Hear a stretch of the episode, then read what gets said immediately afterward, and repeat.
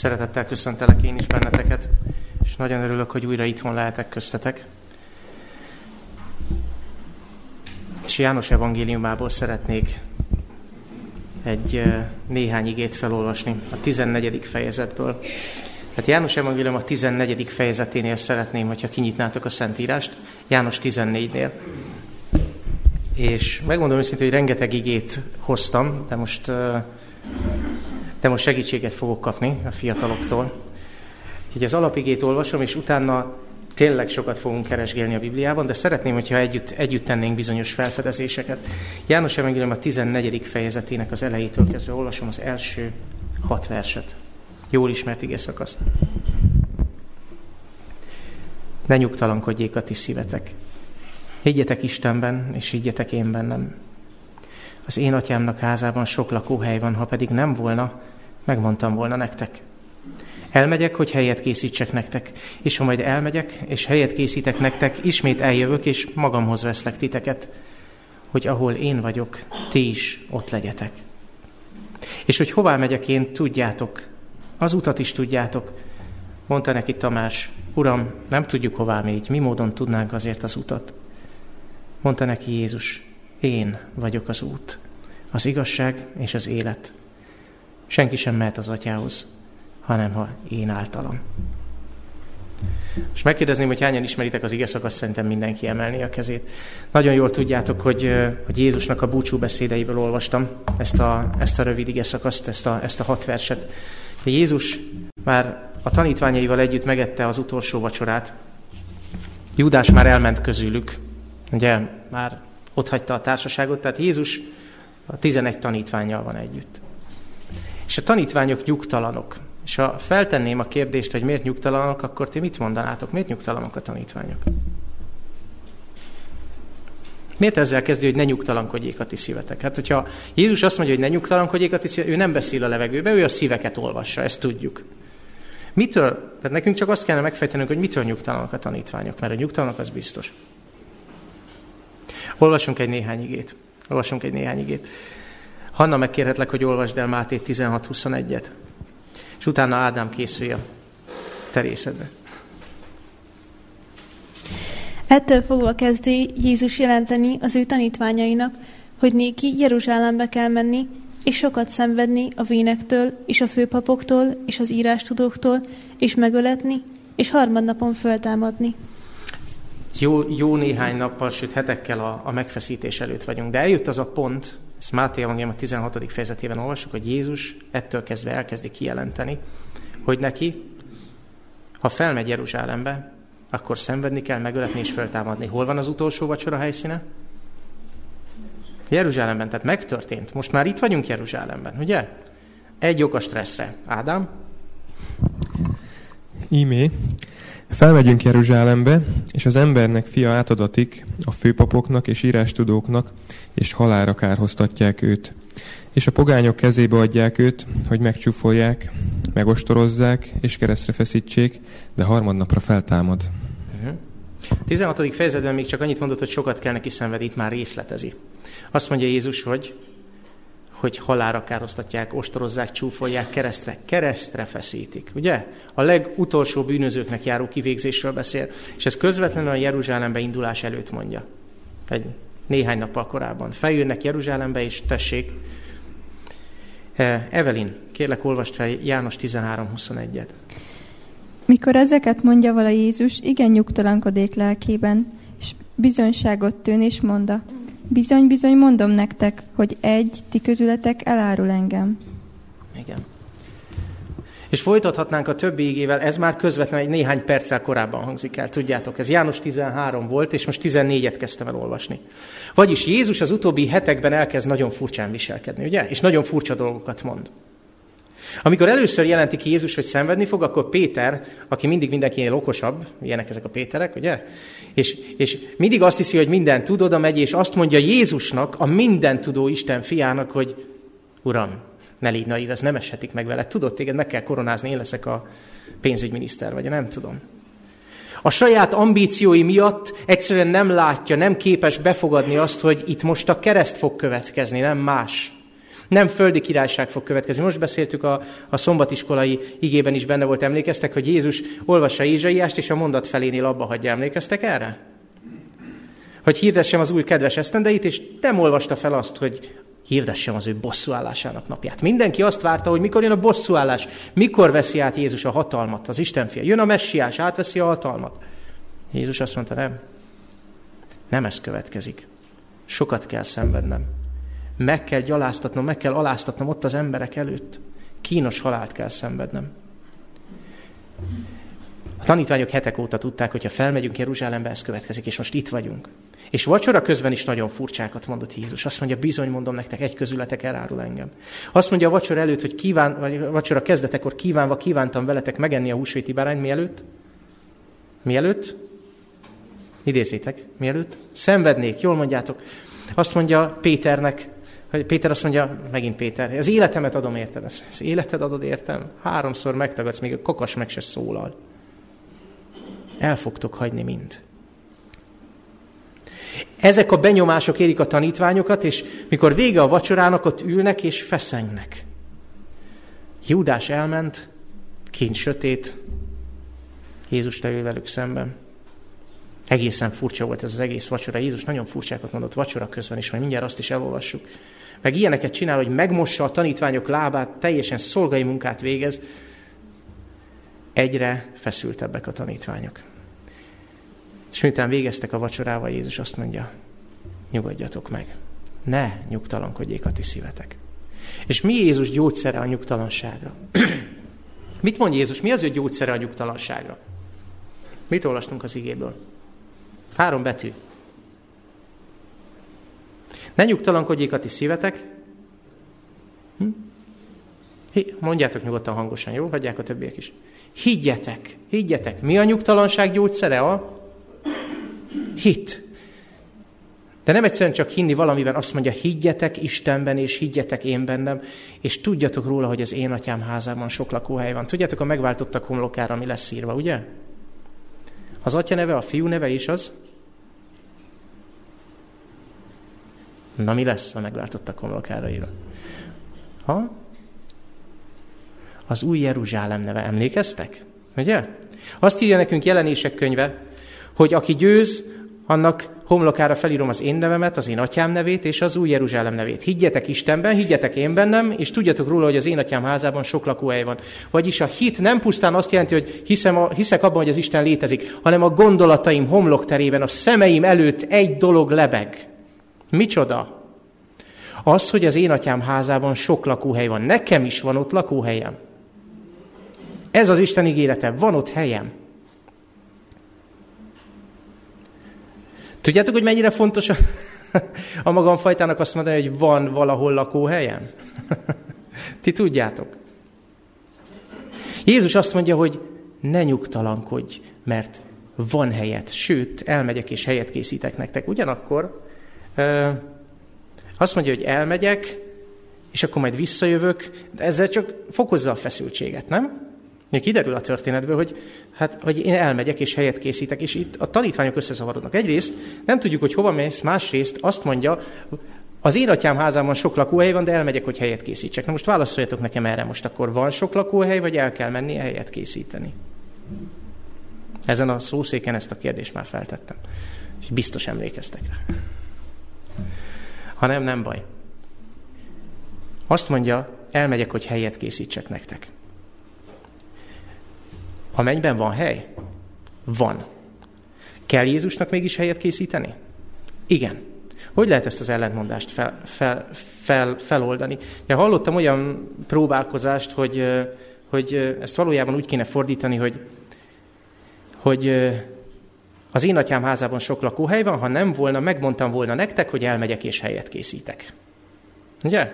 Csak ugye, csak ugye a, a folytatás az úgy szól, hogy és ha elmegyek és helyet készítek, tehát akkor a mondatnak a, a logikája már megtörik. Vagyis Jézusnak el kell mennie a mennybe, tényleg helyet készíteni, de a mennyben akkor is van hely. Most előbb számoljuk ki, hogy mennyi hely van a mennyben, jó? Ó, meg, meg tudjuk számolni tényleg. Nem számmisztika következik, jó? És nem időpont számítás, főleg nem. Jó? Tehát senki ne, ne botránkozzon meg előre. De Jézus, ha Jézus teremt, Mondjátok meg nekem, véletlenszerűen teremt, vagy adott helyre teremt? Helyed van, vagy pedig úgy vagy? Kedves fiatalok, hogyha megkérdezem, hogy Isten téged egy helyre teremtett, a helyedre, arra, hogy legyen egy szereped, legyél egy csavar, legyél egy, egy fogaskerék, vagy csak úgy véletlenszerűen megteremtett. És lőnvilágosság. Ezt most komolyan kérdezem, hátul is van térerő, ugye? Hallani a hangomat. Az Isten minket egy bizonyos helyre teremtett, hogy betöltsünk egy szerepet, vagy pedig úgy vagy, szokták mondani, random. Válaszoljatok igennel vagy nem, melyik?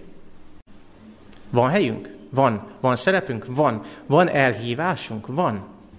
Vannak talentumaink, amelyek, amelyeknek megvan a szerepük? Van. Képzeljétek el, hogyha Dani nem ülne ott a hangosításnál. Akkor így beszélgetnénk, ugye? Ha Zoli nem ülne ott a videónál, akkor nem lenne livestream, és nem lenne vetítés. Ugye? Ha Jóhi nem hozta volna a fóláját, egy szólamba szólt volna a fóla. Imi nem jön, nincs zongora. Jó, akkor nekem kell odaülni, de azt most nem szeretném. Nézzétek, mindenkinek megvan a maga helye. Az Isten nem terem csak úgy, hogy na, legyen ember, hanem azt mondja, a földet azért teremtette, hogy lakásul legyen, az embert pedig azért teremtette, hogy uralkodjatok az a tengerhalain, az égmadon, stb. Az embert elhelyezi a földön. Vagyis, ha Isten teremt, akkor okkal teremt. Na most figyeljetek, mit teremtett az Isten? Megteremtett minket, megteremtette a világot, mit teremtett még? Tudunk még értelmes lényekről? Igen. Vagyis, hogy az Isten miket teremtett, még mondjátok.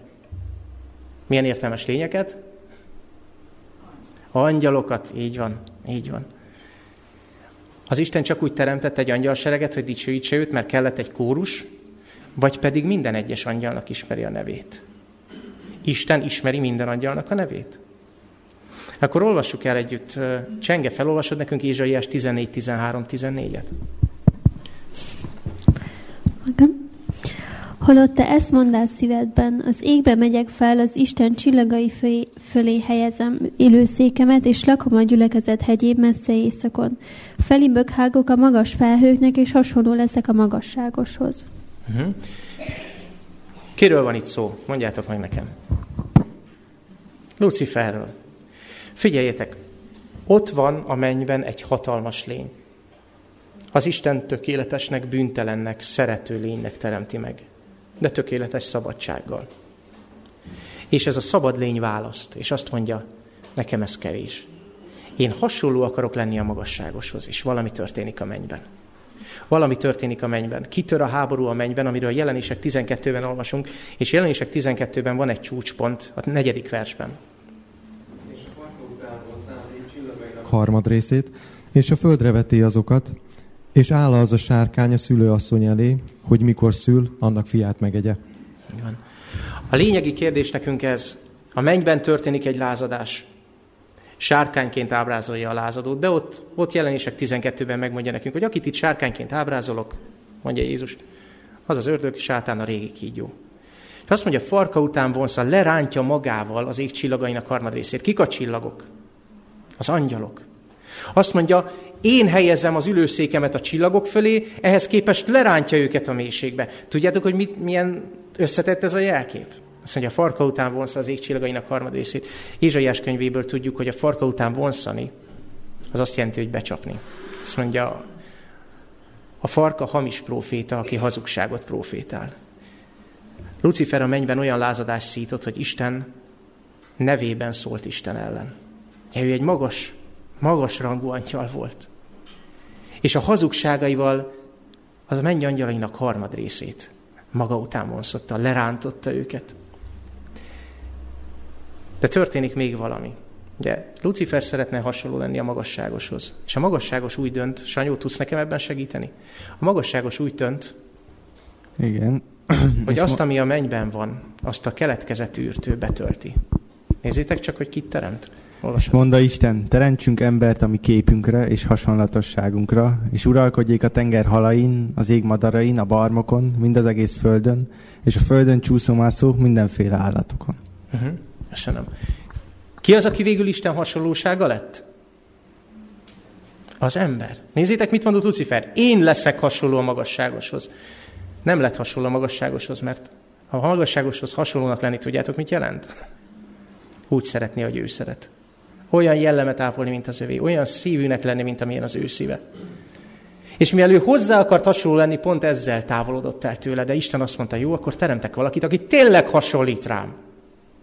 Megteremti az embert, és hogyha Márió felolvasod Róma 8.29-et, akkor tudni fogjuk, hogy ez az ember ugyan elbukott, de az Isten a megváltási terv által nézitek, hogy mit intézett. Róma 8.29-ben azt olvasom, hogy akiket mert akiket eleve kiválasztott, azokról eleve is elrendelte, hogy hasonlók legyenek fia képéhez, hogy ő legyen az első szülött sok testvér között. Uh-huh. Az angyalok elbuktak. Az Isten pedig azt tervezte, hogy teremt egy lényt, aki hasonló hozzá. Ez a lény elbukott, az ember elbukott, de az Isten gondoskodott a megváltásról. Elől hallottunk most a gyermektörténetben, ugye? És az ember újra hasonló lesz hozzá. Most felteszek nektek egy kérdést. A következő ige, amit majd Sára felolvas Márk evangéliumából, azt általában olyan, ö, olyan kontextusban szoktuk olvasni, hogy nem tudom, én mielőtt megnősültem volna, ezt az igét nem nagyon szerettem. Tudjátok-e, melyik igéről van szó? Márk evangéliuma 12. fejezet 25. verse. Ezt az egyedülállók nem szeretik hallani házasság előtt. Sára felolvasod? Hangosan? Ha kap hangot, úgy könnyebb. Igen. Mert mikor a halálból feltámadnak, sem nem házasodnak, sem férjhez nem mennek, hanem olyanok lesznek, mint az angyalok a mennyekben. Így van. Rakjuk össze a képet. Most nem a házasságról lesz szó. Ja? Isten megteremti az embert. Miért? Miért lesz az ember a feltámadás után olyan, mint az angyal? Miért? Nézzétek, Isten a szeretet. És az, hogy Jelenések könyve 12. fejezetében egy mondatban le van rendezve az, hogy és az angyalok egyharmada elesett. Jelenések rövid. Rövidre fogja.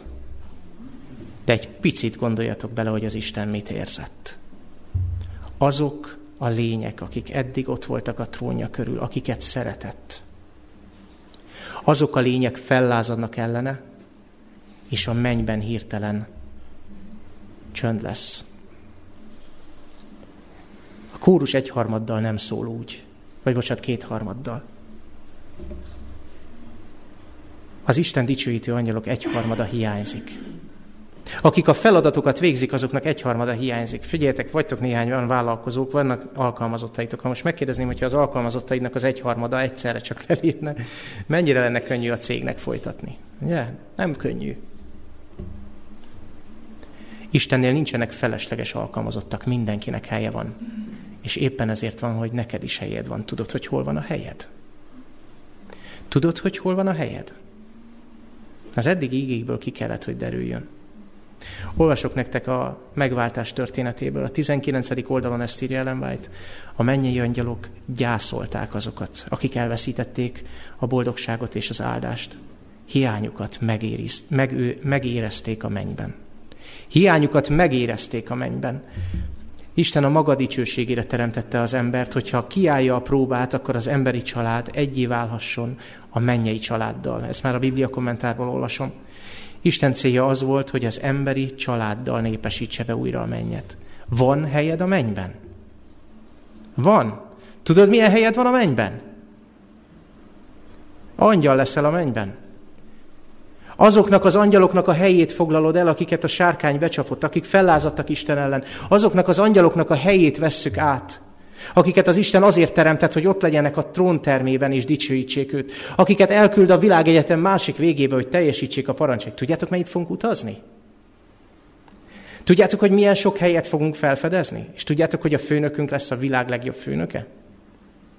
Mikor álláshirdetéseket nézek, mindig megnézem, hogy milyen benefiteket ajánlanak, ugye? Nem csak fizetés, hanem van kafeteria, meg fizetett szabadság, stb. Itt minden lesz. Helyed van ott. Ugye amikor álláshirdetést nézünk, tudjátok, hogy angolul hogy szokták az álláshirdetést ö, hirdetni egy, egy szóval, vacancy. Ismeritek ezt a szót, ugye? Az azt jelenti üresedés. A mennyben pontosan ez van. Képzeljétek el, hogy a mennyei kollégáknak az egyharmada hiányzik. És itt egy milliós tömegről, vagy milliárdos tömegről van szó. Nem tudom, hány angyal van. Nem tudok nektek pontos számot adni, de egyet biztosan tudok. Közülünk senki nem hiányozhat, mert mindenkinek a helye megvan ott. Jézus azt mondta, megvan a helyetek.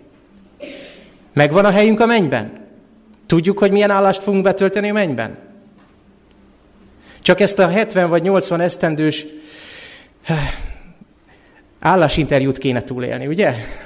Sok körös állásinterjú. Elég sok tanúval, ugye? Bizottságokkal. Egy beadandót kell készíteni. Az a szíved. Ugye? Az a vizsga feladat. Hogy add a szíved.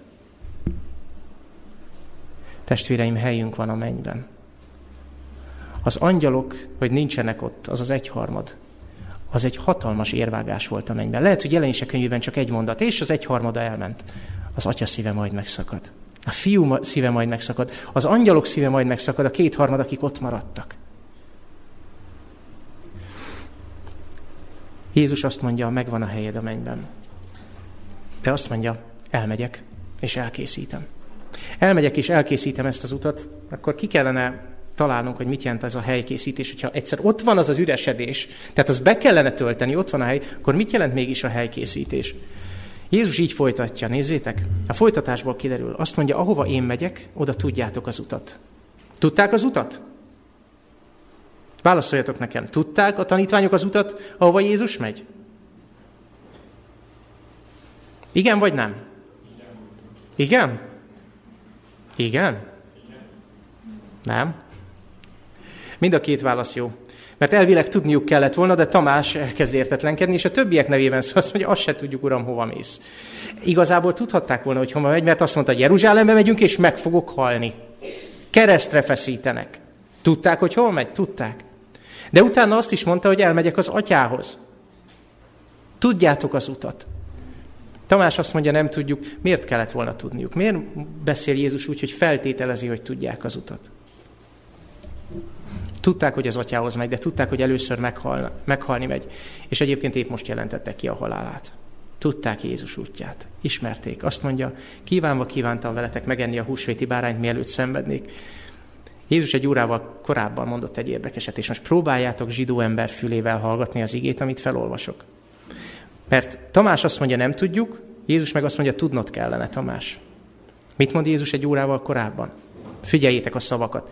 Hallgassátok zsidó ember fülével. Mert ez az én vérem, az új szövetségnek vére, amely sokakért kiontatik bűnök bocsánatára. Mert ez az én vérem, az új szövetségnek vére. Tudjátok a jelenetet, ugye? Figyeljetek, Nektek ez már olyan ismerős, mert negyed évente ez elhangzik. Ugye ez az én vérem, az új szövetségnek vére, amely sokakért kiontatik bűnök bocsánatára. Ámen, megesszük, megisszuk és hazamegyünk. Képzeljétek el az első úrvacsorát is. Az úr célja egyébként az, hogy nekünk mindig ez az első élmény legyen. Mit jelent az, hogy ez az én vérem, az új szövetségnek vére? Egy zsidó ember fülével. Máté felolvasod nekünk Mózes második könyve 24. fejezete 8. versét. És figyeljétek meg jól ezt az igét. Mózes pedig vevé a vért, és ráhinti a népre, és mondá, íme a szövetségnek vére, melyet az Úr kötött ti veletek, mind a ma beszédek szerint. Így van. Íme a szövetségvére. Mit mondott Jézus egy órával korábban? Ez a szövetségvére, csak hogy ez az új szövetségvére. Figyeljetek, amikor szövetség vérét emlegeti a megváltó, és mondom, a tanítványok most éltek át ilyet először. De Jézus ismerős szavakat használ. Szövetségvére mit jelent ez? Várjál, mikor hangzik ez el? amikor Isten a saját népévé fogadja Izraelt, amikor kijelenti nekik a törvényét, és meghinti őket Mózes vérrel, és azt mondja, ez a szövetségvére. Isten szövetségre lép az ő vérével. Csak itt azt mondja, itt egy új szövetség van. És a zsidó emberek megint, füle megint elkezd csengeni. Aha, a szövetség vére, akkor itt most szövetségkötés van, de ez már az új szövetség. Honnan ismerik az új szövetséget? Barnabás, fel tudod nekünk olvasni Jeremiás könyve 31. fejezetéből, a 31. és 33. verset. És figyeljétek meg, ez is ószövetségi írás. Imi eljönnek a napok, azt mondja az Úr, és, az, és új szövetséget kötök az Izrael házával és a Júda házával. Nem a szövetség szerint, amelyet az ő atyáikkal kötöttem az napon, amelyen kézen fogtam őket, hogy kihozom őket egy Egyiptom földéből, akik megrontották az én szövetségemet, ha én férjük maradtam, azt mondta az Úr, hanem ez lesz a szövetség, amelyet e napon után az Izrael házával kötök, és azt mondja az Úr, törvényemet, és bels, törvényemet az ő belsejükbe helyezem, és az ő szívükbe írom be, és Istenökké leszek, ők pedig népemmé lesznek. Köszönöm.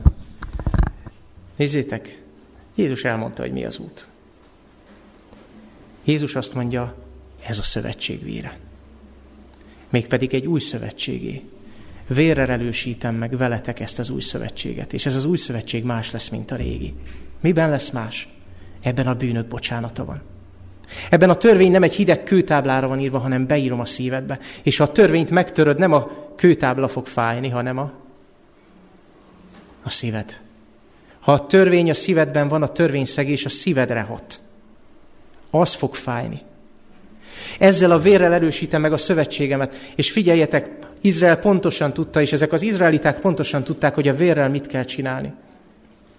A vérrel ráhintett Mózes a népre, és amikor elkészült a sátor, meg az oltár, akkor az oltár szarvait meg kellett kenni, az oltár aljára kellett önteni. Sőt, amikor az egész népért mutattak be bűnért való áldozatot, be kellett vinni a templomba, és a kárpit felé hinteni, ahol, ami mögött a szövetség ládája volt. Amikor szövetség véréről beszél a Biblia, egyetlen egy dologról, egyetlen egy dolog kell, hogy eszünkbe jusson azonnal. A templom. A templom, ahogy a vér az oltártól bemegy egészen a kárpitig. Ez micsoda? Mit mond Jézus? Én vagyok az, az út. Én vagyok az út az atyához. Hol van az atya? Mondjátok meg nekem. Nem bent a kárpit mögött? Nem a szövetség ládája az ő trónja? Azt mondja Jézus, általam, általam jöhettek az atyához. Azért van az új szövetség vére, hogy jöhessetek velem az atyához. A vért bevitték a templomba, és én adom nektek ezt a szövetségvérét, hogy ti is beléphessetek velem a templomba. Izsaiás könyvében azt olvasom, hogy még az idegenek is, akik csatlakoznak az Úrhoz, beléphetnek az ő házába. Akik szövetségemhez ragaszkodnak, akik a szombatot megőrzik. Megvidámítom őket imádságom házában.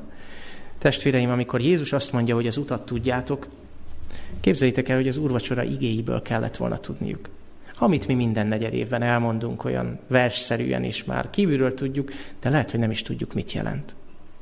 Amikor Jézus azt mondja szövetségvére, azt jelenti, új szövetséget kötök. Amikor Jézus azt mondja, hogy igyatok ebből minnyáján, az, akkor azt mondja, a szívetekbe írom az én törvényemet, és az én népem lesztek. És tudjátok, amikor negyed évente újra és újra, tudjátok, hogy miért negyed évente veszünk úrvacsorát? Hogy írja a Biblia? Hogy, hogy a negyed évet hogy kell kiszámolni. Sehogy. Tudjátok, hogy vettek a régiek úrvacsorát? Naponként is? Házonként. Ó, tudjátok az igét. Az, hogy negyed évente veszünk, ugye ezt most már szoktunk rá egy teológiát ragasztani, hogy ugye ne váljon szokássá, meg ne szürküljön el. Hát testvérem, negyed évenként is el lehet szürkíteni. Már nem emlékszünk arra, hogy ez az új szövetség vére, amely az én bűneim bocsánatáért ontatott ki. Nem emlékszünk arra, hogy Jézusnak ez az útkészítő vére. Nem emlékszünk arra, hogy ez Jézusról, mint főpapról szól, aki előttünk megy és vezet minket kézen fogva be az atyához. Meséltem a fiataloknak még, még korábban a, a középiskolásoknak, hogy mikor kint voltunk Kincsországban, meg akartam keresni valami, valami fővezérembert az egyik kormányhivatalba. És fogalmam sem volt, hogy hogy jutok be. És jött egy hölgy, egy ilyen középkorú hölgy, és szó szerint kézen fogott, és azt mondja, jöjjön fiatalember, majd én viszem. És így bevitt, és egy, egy fél órán belül, tehát onnan, onnan, otthonról elindultam, azt se tudtam hová megyek, egy fél órán belül bent ültem a médiaügyi minisztériumba, és valamelyik, nem is tudom, államtitkárral tárgyaltam, de úgy, hogy a hölgy tárgyalt helyettem. Képzeljétek el azt, amikor Jézus kézen fog és bevisz az atyához. Azt mondja, tudom, hogy kéréseid vannak, gyere, mondd el, viszlek. Tudom, hogy mire van szükséged, gyere, mondd el neki. Jézus azt mondja, a család része vagy. Én megmondom neked, hogy mi az út, én vagyok az út. Gyere, általam jöhetsz az atyához. Figyeljetek, ez itt nem egy tiltó mondat, hogy senki sem mehet az atyához, csak én általam. Ez egy pozitív mondat. Nélkülem nem ez, de velem jöhetsz. Azt mondja, én vagyok az út. És meghallod a hátad mögött a hangot, hogy ez az út, ezen járjatok, ezt mondja Ézsaiás. A tanítványoknak azért kellett volna tudni, hogy Jézus hova megy. És azért kellett volna tudniuk az utat, mert most vettek vele úrvacsorát. Most itták meg együtt a mustot, az erjedetlen, tiszta mustot, Jézus büntelen vérének a jelképét, ami előkészít egy új szövetséget, ami új feltételek alapján van. Itt már nem bakok és bikák véréről van szó. Nem egy hiányos szövetség, amit egyébként maga az ember tett hiányossá. Nem az Isten tette hiányossá az Ószövetséget, az ember. Emlékeztek erre, erről beszéltünk részletesen.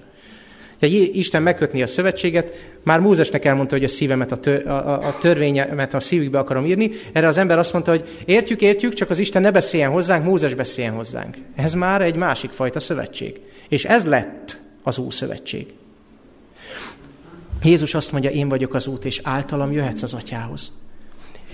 Jézus másfél évezredet várt a sínai hegytől, addig a jeruzsálemi ebédlőhelyig, hogy végre az igazi szövetséget megköthesse az ő népével.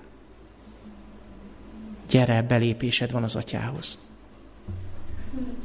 És ezzel meg is válaszoltuk azt a kérdést, hogy ha van hely, akkor miért kell helyet készíteni? Mert Jézus mit csinál? Megköti a földön az ő egyházával az új szövetséget. Igyatok ebből minnyájan, ez az én vérem, az új szövetség vére. Értetek, ontatik ki. A törvényemet a szívetekbe írom, és általam jöhettek az atyához. Jézus hova ment? Miért ment az atyához? Mit csinál az atyánál? Mondjátok a szót. Nagyon szeretjük. Közben jár. Így van. Tökéletes közben járunk van a mennyben. Tökéletes szószólunk van a mennyben. És nézzétek, ezt jelenti a helykészítés. Az üresedés megvan. A helyed megvan. Az angyalok egyharmada hiányzik, és szükség van egy, egy Márióra, egy Ádámra, egy Hannára, sorolhatnám sorba a neveket. Most minden angyalnak megvan a helye, kedves angyal testvéreim. Mindenkinek megvan a helye. A kérdés az, hogy a te szívedben van-e hely a mennynek. És erre a kérdésre sajnos nagyon könnyen tudunk válaszolni. Hányan éreztétek úgy valaha is életetekben, hogy szombaton nem szabad semmit csinálni, és egy picit úgy a lelked mélyén, vagy nagyon, várod, hogy ha lemegy a nap, akkor lehet. Én kölyök koromban ezt megvalom nektek, és nem tartom követendő példának, mindig azt kérdeztettük, hogy lement már? Nem. Lement már? Nem. Lement már? Igen. Akkor bekapcsolhatjuk a tévét. És anyukám mindig mondta, hogy zárjuk már le legalább a szombatot. Jó, zárjuk le. Lezártuk, vége, ámen. Tévé. Figyeljetek. Éreztetek már így? Hasonlóan, valahogy. Volt már ilyen? Jézus azt mondja, a szombatot szenteld meg. Ugye? Tehát 24 óra szentség. Hogyha a 24 óra szentségben van ilyen viszketés, hogy mikor lesz vége, képzeljétek el ezt egy örök életen át. Nem 24 óra szentség hetente, egy örök élet meddig bírnád? Mikor kérdeznéd meg az urat, hogy lement már a nap? Hó, hát itt a nap soha nem megy le, ugye? Ennek a városnak nincs szüksége napra, ugye? Nézzétek, a szombat az, ami előkészít minket a mennyre. Egy picit az Úr tanítani akar, gyere a közelembe, maradj is a közelembe. Élvezed ezt a 24 órát, vagy várod a 24 óra végét? Jó, lehet unalmas a prédikáció, lehet egy csomó mindent elmondani a szombatról, amivel elrontjuk, elrontom. De testvéreim, az Isten szándéka az, hogy ott fenn a mennyben, mire oda feljutunk a mennybe, addigra a hely a szívünkben elkészüljön neki. És azt mondjuk, hogy szombat, és csak 24. Nem lehetne több. Nem lehetne örökké. És természetesen nem lesz odafent örök szombat, mert építkezni fogunk, és ez pont nem szombati tevékenység. És szőlőket pántálunk, mert az se szombati tevékenység. De hogy az Isten közelébe leszünk, elválaszthatatlanul a közelébe, az biztos. Azt mondja, a helykészítés ennyi. Jézus közben járása a mennyei szentében. Tudjátok az utat. Én megyek az atyához, gyertek velem. Ez a helykészítés. Elmegyek, hogy helyet készítsek nektek, és ha velem jöttök, ha velem tartasz az atya elé, akkor a szívedben kész lesz a hely a mennynek. A léleknek, írja Ellen White, az 1888-as anyagokban találjátok ezt. A léleknek itt a földön kell megtisztulnia összhangban azzal, ahogy Krisztus megtisztítja a mennyei szentét. Azt, azt olvasom a Jézus élete vége felé, hogy miközben lakóhelyet épít részünkre, nekünk a jellemünket kell az isteni hasonlóság szerint formálni. Nyilván, amikor minket tesz cselekvővé ez a mondat, hogy nekünk kell formálni, tudjátok, miről van szó. Járulj Krisztushoz. Menj oda a kegyelem királyi székéhez. Azt mondja, mivel nagy papunk van, a nagy főpapunk van az Isten háza felett, amiről énekeltünk. Járuljunk hozzá igaz szívvel, a hit teljességével. Járuljunk bizalommal, írja egy másik helyen, a kegyelem királyi trónjához, királyi székéhez, hogy irgalmat nyerjünk és kegyelmet találjunk. Alkalmas időben való segítségül. Tudjátok az utat. Az út maga Jézus. Ő az út az atyához, és azt szeretné, ha végig mennél vele ezen az úton. Ha az atya nem az univerzum túl végén lévő idegen istenség lenne, hanem az apád. Az az apád, aki, aki figyel, aki meghallgat. Az az apa, aki nem hibázik, mint mi földi apák. Azt szeretné, hogyha olyan kapcsolatra lépnél vele, ami szó szerint megmentő kapcsolat, amiben örök élet van. Mit jelentene a számodra a menny? ha ma beléphetnél. Mit jelentene számodra a szombat? Mit jelent most számodra a szombat? Egy nap szentség. Nagyítsd ki. Képzeld el egy örök életen át. Mit jelent számodra az, hogy ami itt van a Földön, az véget ér? Kapaszkodnál valamibe? Vinnél egy bőrönnyi aranyrudat, és az angyal megkérdezni, hogy utcakövet hoztál, ugye? Ismeritek a jelképes történetet. Vagy mondhatod azt is, hogy hát de nekem vannak talentumaim, például vállóperes ügyvéd vagyok, sürgősségi betegellátó, mesterlövész. A talentumaid, az itteni talentumaid a meghatározóak? Táncművész vagyok, vagy hát, akkor az Istennek fog táncolni, stb. Hallok mindenféle verziókat, amiket megpróbálunk megkeresztelni. Vagy azt mondod, hogy nekem a mennyben van egy kijelölt helyem. Lehet, hogy vannak olyan talentumaim, amikről még nem is tudok, majd az Úr megmutatja. Elhiszed-e, hogy az Úr számodra kijelölt egy helyet, ami összehasonlíthatatlanul nagyobb boldogságot és beteljesedést ad mindennél, amit itt a Földön kapsz. A mennyben van az igazi kijelölt helyed. Nem itt a Földön. A mennyben nem leszek szoftverfejlesztő. Nagyon szeretem a szakmámat. De nem, bár lehet, hogy bolygók pályáját majd kell programozni, én nem tudom, szívesen csinálnám. De nem valószínű, valószínűleg építész leszek, vagy valami ilyesmi. Vagy kertész. A mennyben vár egy olyan szakma, egy olyan pozíció, egy olyan hely, ami annyira be fog tölteni, hogy még pénzért sem lennél hajlandó visszamenni az előző munkahelyedre. Semmiért. Ingyen sem említed. Azt mondja neked, hogy a tested a benned lakozó Szentlélek temploma. Meg akarja tisztítani a benned lévő templomot, miközben megtisztítja a mennyei templomot. És figyeljétek, amikor Jézus templomot tisztít, tudjátok, mi történik néha, ugye? Néha van asztalborogatás és ostor, ugye? Néha a pénzváltókat kell felborítani a lelkedben, ugye? Ne ijedj meg attól, hogyha Jézus elszakít bizonyos dolgoktól itt a Földön. Engedd neki, hogy megtisztítsa a templomot. Mert lehet-e bármi a Földön, ami értékesebb az üdvösségnél? Én vagyok, mondja Jézus, az út, az igazság és az élet. És általam jöhetsz az atyához. Mindig jöhetsz általam az atyához. Ezt üzeni neked. Ámen. Szerető mennyei atyánk, hálát adunk neked, hogy atyánknak szólíthatunk Jézus Krisztusban. Hogy bár téged az a fájdalomért, hogy a te angyalaidnak az egyharmada elveszett. És ez nem a te akaratod volt, és ez nem a te terved volt, és most már látjuk az igéből, hogy ez neked mekkora fájdalom volt. Atyánk, hogy te, ami fájdalmunk gyógyítója vagy, szeretnénk mi is a te fájdalmadat csökkenteni azáltal, hogy átadjuk magunkat neked. az apánk vagy a mennyei atyánk, és nem szeretnénk látni, hogy te fájdalomban vagy.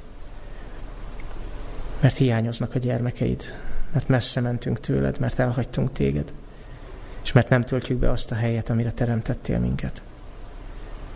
Atyánk, szeretnénk megtalálni ezt a helyet, és köszönjük, hogy pontosan megmutattad az utat, hogy Jézus maga az út.